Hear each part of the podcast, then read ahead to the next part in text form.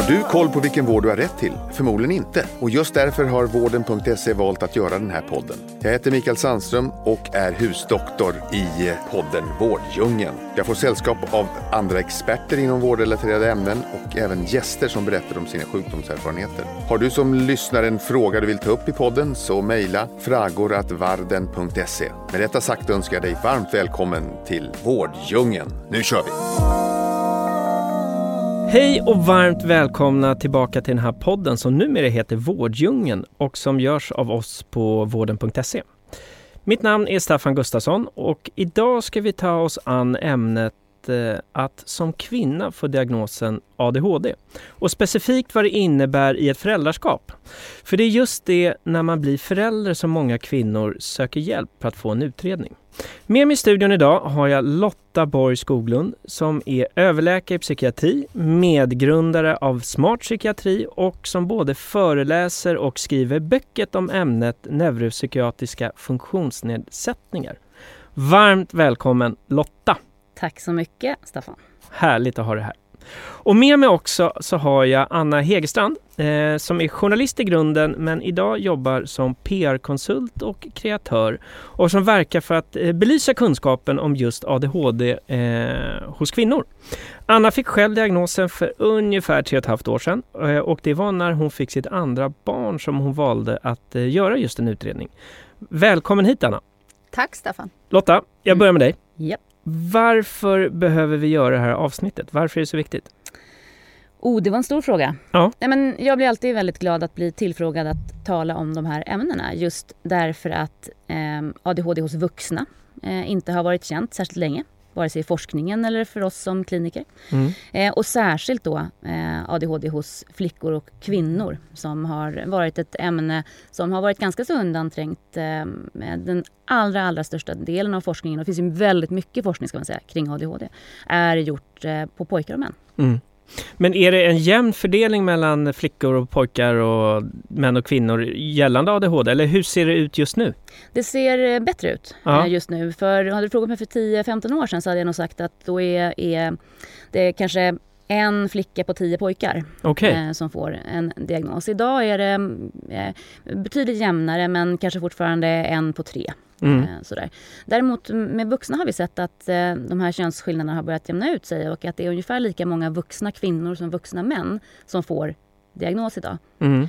Det är ju bra för att vi tror ju att ADHD är ungefär lika vanligt eh, mm. i båda könen. Men det betyder ju också att det är en himla massa flickor som flyger under radarn under många, många år. Så innan... det finns ett stort mörkertal? Ja, bland flickor. Det, ja. det finns eh, vissa grupper grupper inom, inom just ADHD-diagnosen där mörkertalet fortfarande är stort. Mm. Vi kommer säkert prata om det, att vi både över och underdiagnostiserar ADHD idag parallellt. Mm. Mm. Eh, I vissa grupper är vi nästan alldeles för bra för att hitta ADHD, men just flickor eh, och i andra utsatta grupper, äldre eh, mm. till exempel, eller personer med substansbrukssyndrom, mm. där har vi fortfarande väldigt mycket kvar att göra. Och, och eh, nu blir jag lite nyfiken här. Varför är det så att när man blir förälder så många gånger kvinnor först, till exempel när man vill göra en utredning, vad är det som triggar det? Eh, dels så är det ju kanske så att man har eh, hittat strategier som gör att man kan hantera sina eh, svårigheter inom ramen för ADHD och att man har mm, övat på dem och att de har fungerat när det bara, man bara har haft sig själv mm. att förhålla sig till. Och sen så blir det liksom en, en andra grad, så en tredje grads ekvation mm. som, ska, eh, liksom, som man ska få ihop och då räcker inte de här strategierna och många kämpar väldigt hårt och eh, till slut så, så, så brakar det och då, då behöver man hjälp och man behöver förstå hur man ska få ihop Eh, det här med livet, familjelivet, arbetslivet och den, liksom, det här livspusslet eh, utifrån faktiskt förklaringsmodellerna av vad man har svårt med när man har ADHD. Mm. Men, men du, man pratar ju ofta om ADHD som en form av superkraft. Mm. Eh, men vad är det du upplever i mötet då med kvinnor som vänder sig till, till er eller till dig då för att göra en utredning? Alltså jag träffar ju många superhärliga superbegåvade och eh, supertalangfulla människor med ADHD. Så mm. det är ju absolut inte det att man inte eh, kan lyckas eller vara otroligt framgångsrik när man har ADHD. Men däremot så vänder jag mig emot att man använder begreppet som en superkraft. Därför mm. att det är det inte, det är en funktionsnedsättning. Mm. Eh, där vissa eh, av hjärnans funktioner fungerar eh, annorlunda och i vissa fall absolut sämre mm. än för de som inte har den här diagnosen. Och då måste man nästan fråga sig, alla de här framgångsrika personerna som har ADHD, jag skulle hellre vilja att man sa att de har kommit hit trots sin diagnos och det ska man ha ännu mer liksom, eh, cred för. Mm. Eh, och du, Anna, till dig, riktar frågan till dig då. Vad var det som fick dig att eh, göra en utredning? Vad var det som triggade eller vad var det du märkte liksom att nej, men nu behöver jag söka hjälp här? Ja, jag fick två barn på väldigt kort tid. Det är bara drygt ett och ett halvt år mellan mina barn. Och med första barnet, jag eh, har varit egenföretagare i tio år och då kan man också eh, välja att lägga in pauser i vardagen. Du kan styra din tid på ett helt annat sätt. Och så var det även när jag fick mitt första barn. Att jag kunde fortsätta jobba, jag kunde vara lite föräldraledig, jag kunde köra mitt race. Sen fick man barn nummer två och alla som har blivit tvåbarnsföräldrar vet vad det innebär. Och pressen ökade samtidigt som jag och barnens pappa låg i separation. Mm. Eh, med den pressen och eh, sen gjorde jag i, i, samma veva så en, en eh, kompis till mig som hade fått diagnos stack ett sånt här självskattningstest i handen på mig och jag slog i taket på det. Jag visste ju liksom att jag hade mycket energi och jag liksom har alltid pratat mycket och det har varit mycket driv i mig. Men som Lotta säger, jag har alltid hittat mina strategier. Jag var duktig i skolan, jag har liksom inte varit den stökiga eleven utan jag har varit en typisk flicka tror jag med ADHD. Sen har jag också en lindrig form så jag har inte den svåraste formen. Eh, så det var det som gjorde att jag sökte mig till, eh, till psykiatrin mm. och ville göra en utredning. Men du Anna, vad har det eh, inneburit för dig då att eh, du har fått den här diagnosen? Oj, jättemycket. Eh, dels har det inneburit att jag eh, accepterar mig själv mer som jag är. Eh, jag förstår vad mina eh, svårigheter kommer ifrån. Att det inte är för att, att jag är eh, lat eller att jag eh, är en dålig mamma. Utan jag vet att om jag ger mig själv rätt förutsättningar så kan jag flytta berg. Men får jag fel förutsättningar så klarar inte jag av det som en person som inte har en ADHD-diagnos klarar. Jag är mycket mer stresskänslig, jag behöver mina pauser i vardagen, jag behöver tänka på kost och träning på ett helt annat sätt. Det behöver ju alla människor. Men för mig är det väldigt viktigt. Sen har det också eh, inneburit att kunna säga till andra. Jag har varit väldigt öppen från första stund och det har varit eh, självklart för mig. Mm. Eh, för att också bidra till att eh, jag har ju i mitt eh, yrke som journalist och tidigare bidragit väldigt mycket till att lyfta de här frågorna för att det känns viktigt. Mm. Men Lotta, vilka för och nackdelar skulle du säga att eh, liksom vuxna kvinnor som får den här diagnosen eh, för, eh, ger med sig i föräldraskapet? Jag tror att Anna lyfter det väldigt väl och, och det som jag tycker är det kraftfullaste med eh, att få en diagnos det handlar ju om just förklaringsmodellen. Att man kan börja förstå hur man fungerar, man kan, man kan se sina sårbara sidor och man kan ta mer ansvar för dem. Så man kan på det sättet vara en bättre patient i psykiatrin. Man behöver oftast inte lika mycket vård och stöd när man har fått rätt förklaringsmodell, när man har fått rätt stöd. Eh, man kan eh, behandlas med läkemedel, eh, vilket är eh, effektivt för många, men alla väljer inte det. Mm. Utan just den här ehm, förståelsen för eh, styrkorna och sina sårbara sidor. Och I föräldraskapet är det oerhört viktigt därför att vi ser i forskningen en väldigt, väldigt stark koppling mellan ADHD och eh, belastningar och stress i föräldraskapet. Eh, vi ser att, att föräldrar med ADHD och framförallt mammor med ADHD känner sig otillräckliga mm. i sitt föräldraskap. Eh, de känner att vissa delar av deras ADHD eh, är särskilt eh, liksom jobbigt i relation till att ha barn. Där man önskar att man hade kunnat vara på ett annat sätt. Och det är ganska smärtsamt som förälder att, att känna att man borde göra på ett annat sätt men inte alltid ha förmågan när stressen kommer. Och så. Och det, brukar, och det brukar ofta vara den känslomässiga instabiliteten som ju är en väldigt vanlig del av ADHD hos kvinnor men som inte finns med i diagnoskriterierna. Till exempel. Mm. Mm. Um, så, eh, och sen är det också så att föräldrar med ADHD eh, beskriver att de får väldigt mycket negativa omdömen kring sitt föräldraskap av omgivningen. Och det är också en sån här viktig sak att lyfta. Därför att det hjälper ju inte direkt om man dessutom går och själv tvivlar på sin liksom, sitt föräldraskap och, och sig själv som, som mamma. Och dessutom behöva då få omgivningens kritiska kommentarer om, om det här. Och det, det kan ju vara oerhört tungt. Alltså, Mm. Det vet ju alla som är föräldrar. Att man är ju väldigt Men vad, känslig. vad, liksom. vad kan det vara för typ av kritik man får? Ja, men, men till exempel, för dessutom är ju ADHD eh, väldigt ärftligt. Alltså Okej. Det är eh, väldigt stor sannolikhet och statistiskt sett att eh, i en familj att det finns fler med samma Eh, samma svårighet. Så, så ibland säger man så att, att mammor med ADHD får barn med ADHD. Det kanske låter lite så här drastiskt. Mm. Men om man ska titta på statistiken så, så är det ju betydligt större chans eller risk att en mamma som har ADHD också har barn som har ADHD. Och då, då lägger vi till ytterligare en dimension av det här livspusslet. Därför att, att ha barn med ADHD, det, då, då är det ju som en hinderbana i vården. Alltså man har, det finns väldigt mycket bra vård och stöd att få Mm. för eh, barn med ADHD. Men den är ju, är ju utsplittrad på väldigt många olika ställen. Det är ganska svårt att förstå hur det här hänger ihop. Mm. Eh, och det är nästan ett heltidsjobb för många föräldrar att hantera sitt barn i relation till skolan, i relation till habiliteringen, relation till BUP, i relation till BUM. Alltså det är så många eh, aktörer här som är liksom inblandade och så kämpar man då med sin egen ADHD och sen så ska man då kämpa för sitt barn Mm. barnets ADHD.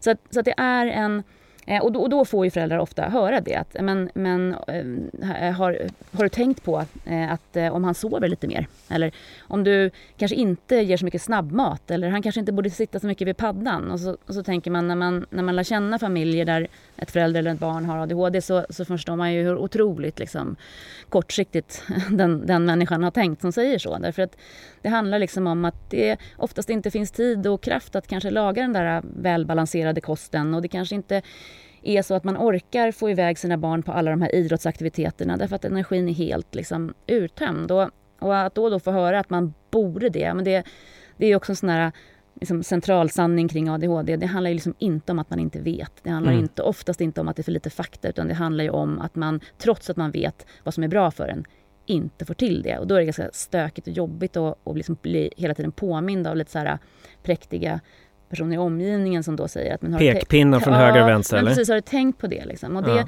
det är också en sån sak som är viktig med diagnosen, att man då kan faktiskt inte sätta det på liksom självföraktskontot på samma sätt. Men, men innan, innan eh, man får sin diagnos är det många som, som just känner så att men vad är det för fel på mig? Jag vet ju alla de här sakerna, så gör jag det inte. Det vore ju så bra för mig eller det vore så bra för mitt barn. Mm. Och det är så viktigt det som du lyfter här Lotta, för jag känner igen mig i allt. Mm. Alltså jag, det är som, lite som ett dubbelt straff att dels ha en ADHD-diagnos själv och sen ett utmanande föräldraskap. Mm. Ehm, samtidigt så kan jag känna då att ja, i min familj är det stökigare kanske än andra familjer. Men vi är ju roligare än andra familjer. Om jag får sätta mig på lite höga hästar. Mm. Det händer ju alltid grejer, det är alltid kul, det är fart och fläkt. Och sen då om man har medvetenhet kring hur man själv funkar eller hur ens barn funkar, då kan man ju jobba med utmaningarna för att förstärka styrkorna som en person eller eh, en familj utan diagnoser faktiskt saknar. Så att ehm, det är ju både en superkraft och en förbannelse skulle Mm. jag säga.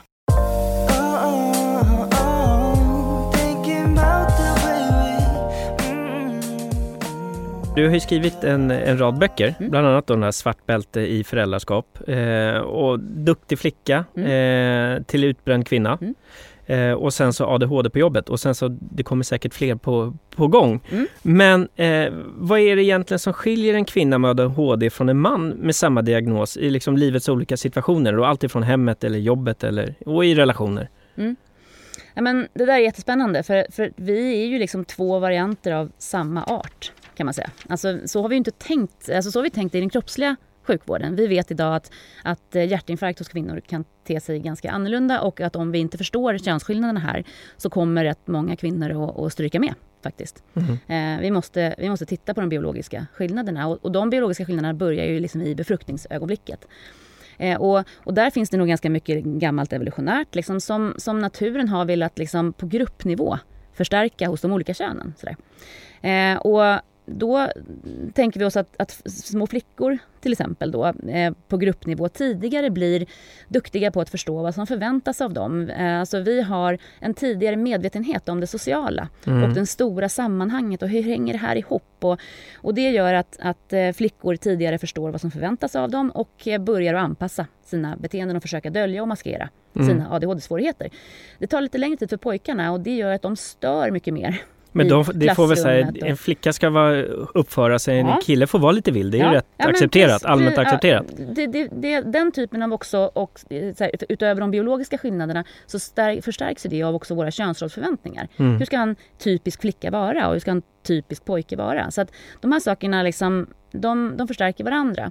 Och det gör att, att flickorna i, och det som du berättar Anna, att, att det här med att känna att man är annorlunda, det är ofta en väldigt tidig känsla man har. Och Eh, en känsla som, som vi människor är ganska rädda för. Vi vill inte vara annorlunda, vi vill inte sticka ut på ett negativt sätt för då kanske vi kan bli uteslutna av flocken och då kommer vi, inte, ja, då kommer vi bli uppätna av en sabeltandad tiger. Typ mm, tänker mm. våran stenålderskärna. Och då gör vi ju ganska mycket för att anpassa det och, och flickorna gör det tidigare. Men hur man, tidigt då? Vilken ålder? Ja, men det här är redan, så när ska man som förälder börja mm. liksom fånga upp de här signalerna? Ja, men man ska börja tänka kring sina, sina flickor redan på förskoleålder och i, i, i, i tidigt i skolan när flickor inte mäktar med den vardagliga eller den vanliga livet. När, mm. när en, liksom en flicka kommer hem och är helt och hållet överväldigad av en dag i skolan inte orkar vara med kompisar, får utbrott hemma och man inte förstår varför. Och, och det, här är också, det finns ju väldigt bra forskning som visar det att föräldrarna är mycket bättre på att tidigt förstå att den här flickan kämpar med någonting mm. speciellt och skolan ser det mycket senare. Mm. Och ganska ofta ser vi som gör utredningar två, man tänker att man har fått, när man får beskrivningen från skolan, när man får från föräldrarna så tänker man att det här är två helt olika barn. Mm. Jag har ju fått fel journal här. Mm. så här, mm. så här skolan här, har inte fångat nej, men upp... Skolan ser en duktig flicka ja. och familjen beskriver ett monster. Ja. Och det är fruktansvärt eh, slitigt hemma. Mm. Eh, och så tänker man, det här är inte alls, liksom, nu, det här är något fel. Så där. Och det, det eh, är tyvärr så eh, att flickor tidigare förstår att så här kan man inte bete sig i mm. skolan. Utan man, men man tar ut det hemma där man är trygg. Mm. Eh, och sen går vi upp liksom längre i åldrarna och så kommer hormonerna in i spelet. Och de har vi inte heller liksom förhållit oss till i forskningen. Och där, där vet vi att när könshormonerna liksom kopplas på runt puberteten så är det ju en sårbar tid för många ungdomar mm. men, men också för flickor och kvinnor med ADHD där deras ADHD-symptom faktiskt börjar bli synliga för oss i form av samsjuklighet och ångest, depression, kanske självskada, kanske ätstörningar, risktagande. Eh, och, och eh, där vi faktiskt ser dem men det paradoxala inträffar att vi missar dem igen för vi fokuserar då på deras samsjuklighet. Mm.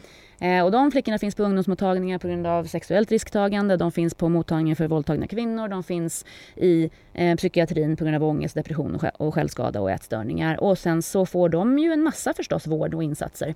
Eh, men vi tappar ofta det här tanken om att det kan ligga en underliggande ADHD. Så vi missar dem igen då mm. i, i, några år till. Och sen så kanske de kommer till oss då när de har blivit föräldrar eller när de är unga vuxna och inte får livet att funka och inte liksom får när, när liksom motståndet och kraven på självständighet blir så st stora att det inte funkar.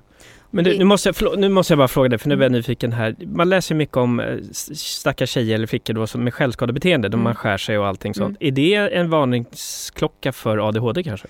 Alltså det är absolut en samsjuklighet som vi ska eh, och som vi alltid överväger. Mm. Eh, därför att den här samsjukligheten med emotionell eh, instabil personlighetssyndrom, det som tidigare kallades för borderline till exempel, mm. är väldigt hög. -hmm. Man kan ha båda tillstånden eller det ena kan maskeras som det andra. Så det är jätteviktigt att man, att man eh, när man utreder till exempel ADHD är väldigt duktig på differentialdiagnostik, alltså att, att se an, och, och, bedöma. Alltså hur och, och, vad förklarar den här flickans beteende bäst? Och, och, du sa att du fick en skattningsskala och det är oftast ett jättebra första steg. Men, men det är också så att baserat på den beskrivningen i, det, i den fasen av livet som du var då, mm. skulle alla eh, skatta högt på en sån skattningsskala. Ja. Och det är det som är så, så, svårt men också så intressant med ADHD att vi alla dels har drag av det men att vi också när vi är i kris eller när vi är deprimerade eller lider av en ångestproblematik eller ligger i separation eller har varit med om en trafikolycka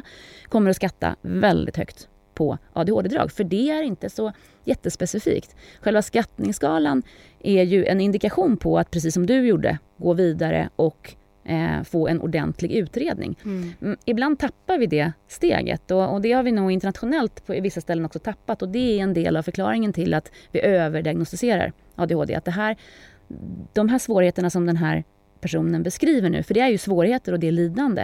Eh, men det kan också förklaras av så himla många andra saker och för mig är ADHD en uteslutningsdiagnos. När man har skalat bort annan samsjuklighet, när man har skalat bort att det är liksom svårigheter och, och psykosocial utmaning i hemmet eh, hos den här familjen och så. Det, det måste man först ta ställning till. Och så måste man veta att just på grund av ADHD så är samsjuklighet vanligare. Det är vanligare med psykosocial belastning. Det är vanligare med separationer.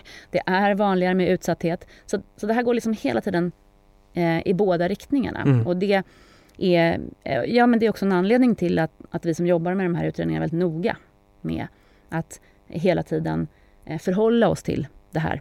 Aldrig liksom eh, eh, slänga sig på den snabbaste förklaringen. Nej, och det kan jag känna när jag gjorde min utredning. Jag hade ju den belastningen jag hade. Men jag har ju också ätstörningsproblematik i grunden. Jag har två utbrändheter och jag har haft svårigheter sen. Svårigheterna skulle liksom kvarstå sen, sen du var liten. Eh, så man gör ju en väldigt omfattande utredning och jag fick ju också det där det var många, även nära vänner, som, som sa det finns inte en chans att du har ADHD. Nej. Och sen när jag väl, för att jag har lyckats så bra i livet. Och sen när jag väl fick diagnosen så får man liksom slängt i ansiktet. Jaha, ska du skylla på det nu? Mm. Mm. Mm. När du glömmer bort Mm. saker eller Mm. när du eh, blir arg. En ADHD-person, i alla fall jag kan ju ha alla årstider på en och samma dag i form Mm. av Mm. känslor.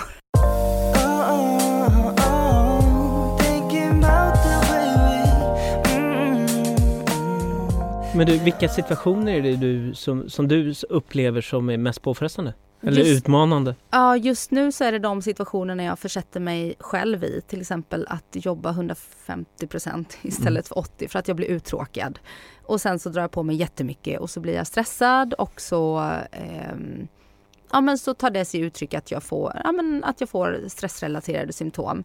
Eh, så jag har ju svårt att hitta den här balansen mellan att trycka på gasen och bromsen. Under många år när mina barn var små så jobbade jag deltid för jag vågade liksom inte trycka på bromsen efter en utbrändhet. Nu så har jag, eh, eller trycka på gasen. Nu har jag tryckt på gasen och då hittar jag liksom inte någon bra nivå i det. Så att eh, det och sen så när jag och mina barn eh, är eh, i perioder när eh, vi är som minst funktionella, typ hämtning efter förskolan. Jag Mm. försöker alltid hämta mina barn innan rusningstrafik till exempel, innan vi börjar dippa. Då jobbar jag hellre de sista timmarna hemma när de är hemma för att undvika konflikter. Det är en ganska stor del av min vardag att eh, konfliktminimera. Smarta strategier ju, Mm. tänker jag. Ja. Och, och jätteviktiga och, och liksom bra för alla. Eh, det är det som är så häftigt med strategier kring ADHD. Att det är ofta, det är som diabeteskost. Mm. Det är bra för alla. Men det är livsviktigt när man har eh, den här funktionsnedsättningen. Ja men exakt. Och det tar tid att pröva sig fram till vad som funkar. Men det är så värt det. Och, och då måste jag ju fråga, ett steg längre här det är att, jag, jag kommer ihåg, jag läst någonstans att vi medicinerar ju som aldrig förr. Att det är många barn som får medicinering för sin ADHD och så vidare. Eh, och det är en väldigt omdiskuterad fråga. Eh, när bör man eller bör man inte medicinera? Hur ställer du dig och vad säger forskningen om medicinering? Ja, men det är Och vad medicinerar man? Mm. Eh, alltså, vi, vi har ju eh, effektiv och säker behandling för ADHD. Vi har som 100 års forskning Mm. på läkemedelsbehandling på barn. Det är nästan inget tillstånd där vi har så mycket dokumentation och står på så säker mark. Mm. Men med det sagt betyder inte det att alla med den här typen av svårigheter bör ha eh, läkemedel. Mm. Vi, det eh, diskuteras väldigt mycket nu kring också hur, eh, liksom vilka krav har vi på våra barn idag och hur är skolan och vårt samhälle organiserat? Därför att eftersom ADHD-drag är normalfördelade liksom i eh, befolkningen och bland oss alla så kommer vi i princip att kunna bestämma hur många procent av våra barn som inte ska klara av skolan utifrån deras eh, symptom på hyperaktivitet, eh, impulsivitet och uppmärksamhet. Och, och eh, den, den gränsen håller vi på att förflytta Mm. Ehm, i takt med att skolan har omstrukturerats och att det krävs väldigt mycket mer eh, av ett barn och mer i relation till de sakerna man har svårt med just vid olika NPF-diagnoser och ADHD specifikt. Ehm, så mm, det krävs mer att man, att man är mer självständig. Det är inte längre så att man sitter i ett eh, och samma klassrum hela lågstadiet, att man har en och samma lärare. Det är större klasser. Det krävs mer av självständigt och abstrakt tänkande. Man ska resonera och tänka kritiskt och motivera sina eh, eh, som svar och, och eh, sina kunskaper på ett annat sätt än när vi var unga. Då vi under den här tiden liksom, i skolan det handlade framförallt om den gamla goda korvstoppningen. Ja. Ehm, som är mycket lättare vid ADHD eftersom det inte hänger ihop med begåvning utan det hänger ihop med alla de här mer abstrakta exekutiva. Funktionerna. Mm. Men du eh, eh, Lotta, slu, eh, liksom, eh, slutligen lite, en liten avrundning på det hela. Eh, det jag ser framför mig, jag skulle gärna vilja att vi gör någon form av lathund som förälder som vi kan lägga ut på vården. Mm. Vad man ska göra om man misstänker att sitt barn har ADHD mm. eller vad det må mm. vara. Och vad, vad, ska, vad ger du för tips till lyssnare här som då känner igen sig i det här och misstänker att en själv eller ens barn då har ADHD om man vill göra en utredning? Mm. Vad gör man? Ja, men nummer ett så ska man tänka på det vi har pratat om, att, att alla har drag av det här och alla kan ha symptom på ADHD i perioder när saker och ting är tuffa och jobbiga av andra anledningar. Mm. Så nummer ett så ska man titta kring det. Eh, har, vi, har vi tänkt på det? De allra flesta har tänkt på det. Mm. Eh, men att man, att man gör liksom en, en eh, vardagscheck mm. över vad liksom skulle kunna vara belastande faktorer här som vi skulle kunna plocka bort eller lägga till. Så, och, och känner man fortfarande att man, liksom, att man kämpar med de här svårigheterna, att man oroar sig för sitt barn, så har man ju eh, möjlighet att vända sig till elevhälsan Eh, det kan vara ett bra första steg. Då, då kan man få en, en gemensam bild i en, en remiss sen för mm. Elevhälsan, det går till skolsyster? Eh, ja, typ. precis. Och, och eh, skolläkare eh, som också finns. Nu, eh, det ser ganska olika ut på olika skolor och så. Men, mm. men dit kan man ju alltid vända sig eh, i första hand. Sen är ju också tanken att vi, man då ska vända sig till första linjen Mm. Eh, alltså, som ju då är primärvård. Mm. Eh, för den, att fråga om och, och eh, utreda och, och, just tänka om det finns en misstanke. Man vänder sig till sin vårdcentral helt enkelt? Eh, precis. Ja. Eh, och, och, i det skedet då om, om man kommer överens om att det finns en misstanke och att man vill utreda det här vidare då så är en remiss till barn och ungdomspsykiatrin då nästa steg där man gör de här utredningarna. Som i dagligt tal kallas BUP? BUP? Ja. Och vad, vad, kan man förvänta sig? Är det kötider? Ponera att nej, men nu vill jag ha en utredning på BUP. Hur, vad, vad är det för tidsrymd vi talar om där? Det är väldigt olika i olika delar av Sverige, vilket ja. är problematiskt i sig. Så det är, är inte så särskilt jämlik vård kan man säga. Nej. Alltså det beror lite grann på hur eh, just BUP på det stället där man bor fungerar och hur långa eh, kötider de har. Mm. Eh, historiskt sett så har det varit ganska långa kötider och, och, vi har haft en period nu där man har avlastat BUP genom att också kunna göra ADHD-utredningar eh, inom barn och ungdomsmedicinska mottagningar, mm. så kallade BUM. Mm. Eh, det är inte längre möjligt utan nu har BUP tagit tillbaka det uppdraget eh, att göra utredningarna och syftet är att hålla ihop vårdkedjan mm. så att man ska kunna få utredning och behandling på samma ställe. Då. Men ponera att du bor i Stockholm då, eller jag, mm. jag misstänker något av mina barn. Hur, mm. lång tid, hur lång väntetid är det i Stockholm? Eh, ja, det, det, jag är inte så bra mm, att svara på det. Nej. Eh, jag tror att det kan se väldigt olika ut. Man har ju också möjlighet att, att också vända sig direkt till BUP, alltså på, eh, via en väg in. Att, mm. att få... Eh, egen remiss då ja, eller? Ja, men precis. Att e egen anmälan ja. till BUP. Men även inom Stockholm så, eh, så kan det se ganska olika ut. Och det kan handla om eh, månader och det kan handla om uh, år.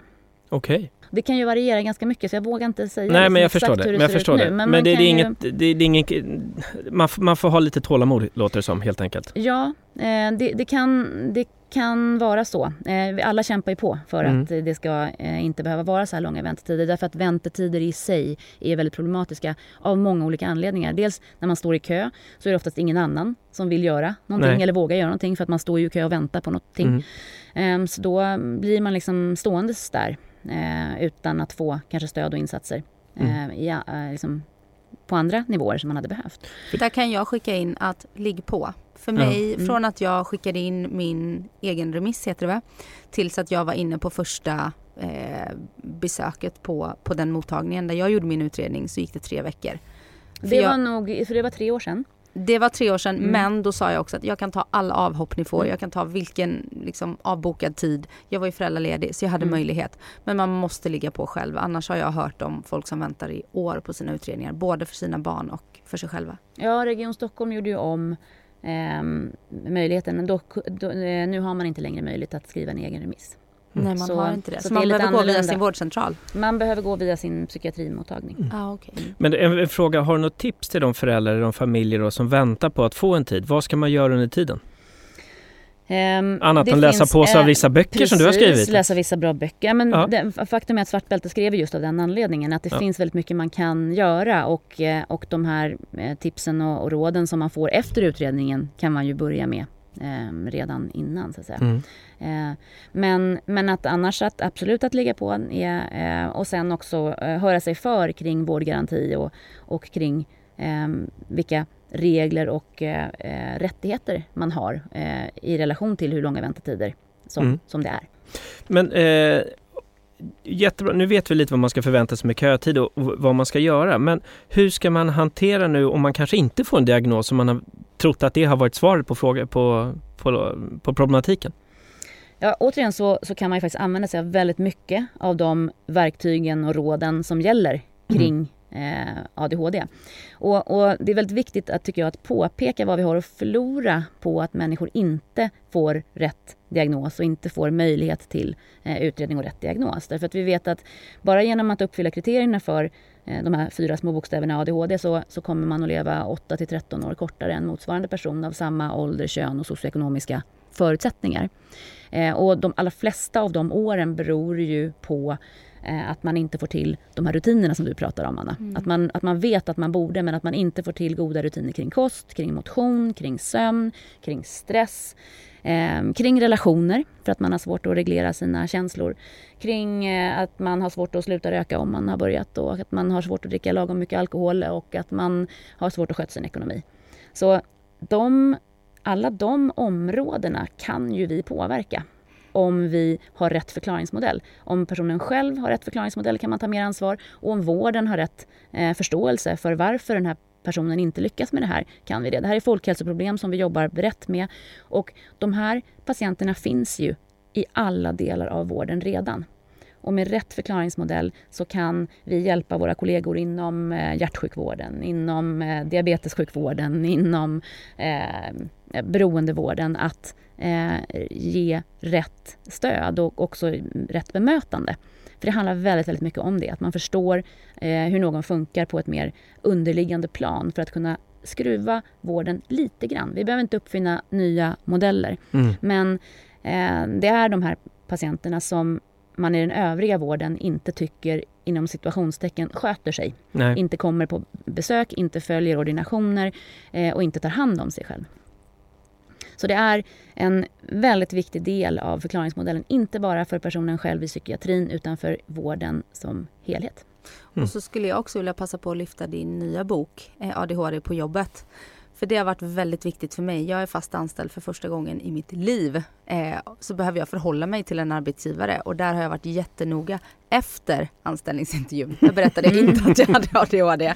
Men, men eh, första veckan på jobbet, alla vet det och de vet också att de får unika egenskaper som jag har, som ingen annan har. Men också på bekostnad av att jag behöver få vara flexibel kring mina var jag arbetar. Ibland behöver jag få sitta hemma en förmiddag och jobba för att stänga ute intryck. Och jag kan inte bli störd. Eh, så att, att vara öppen med sin diagnos. Jag förstår att många tycker att det kanske är privat och man inte vill berätta. Men för de personerna som har betydelse för att få ditt vardagsliv att gå ihop så för mig har det varit avgörande. Hörni, tusen tack till er båda att ni eh, vill vara med och gästa det här avsnittet. Och eh, till ni som lyssnar, vi hörs igen nästa vecka. Stort tack! Tack! Tack!